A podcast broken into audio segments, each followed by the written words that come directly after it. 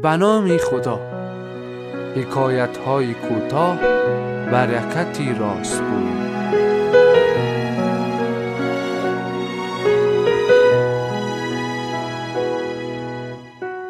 مردی گناهکاری خدمت پیامبر رسید و چهار گناهی که مرتکب شده بود برای پیامبر یکی یکی شمرد. یکی از این چهار گناه دروغ بود. او به پیامبر گفت ای رسول خدا هر کدام از این گناهان را که بخواهی به خاطری تو ترک می‌کنم. پیامبر صلی الله علیه و آله و سلم فرمود تو دروغ را ترک کن. مردی گناهکار رفت.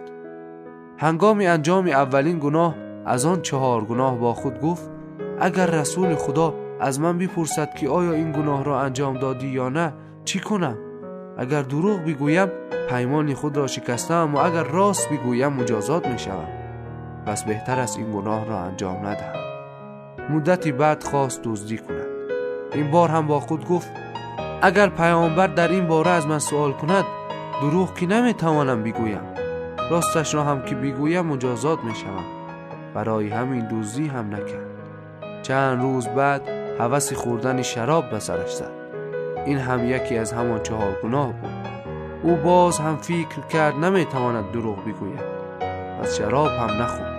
به این ترتیب و برکت راستگویی آهسته آهسته از همه گناهان دست کشید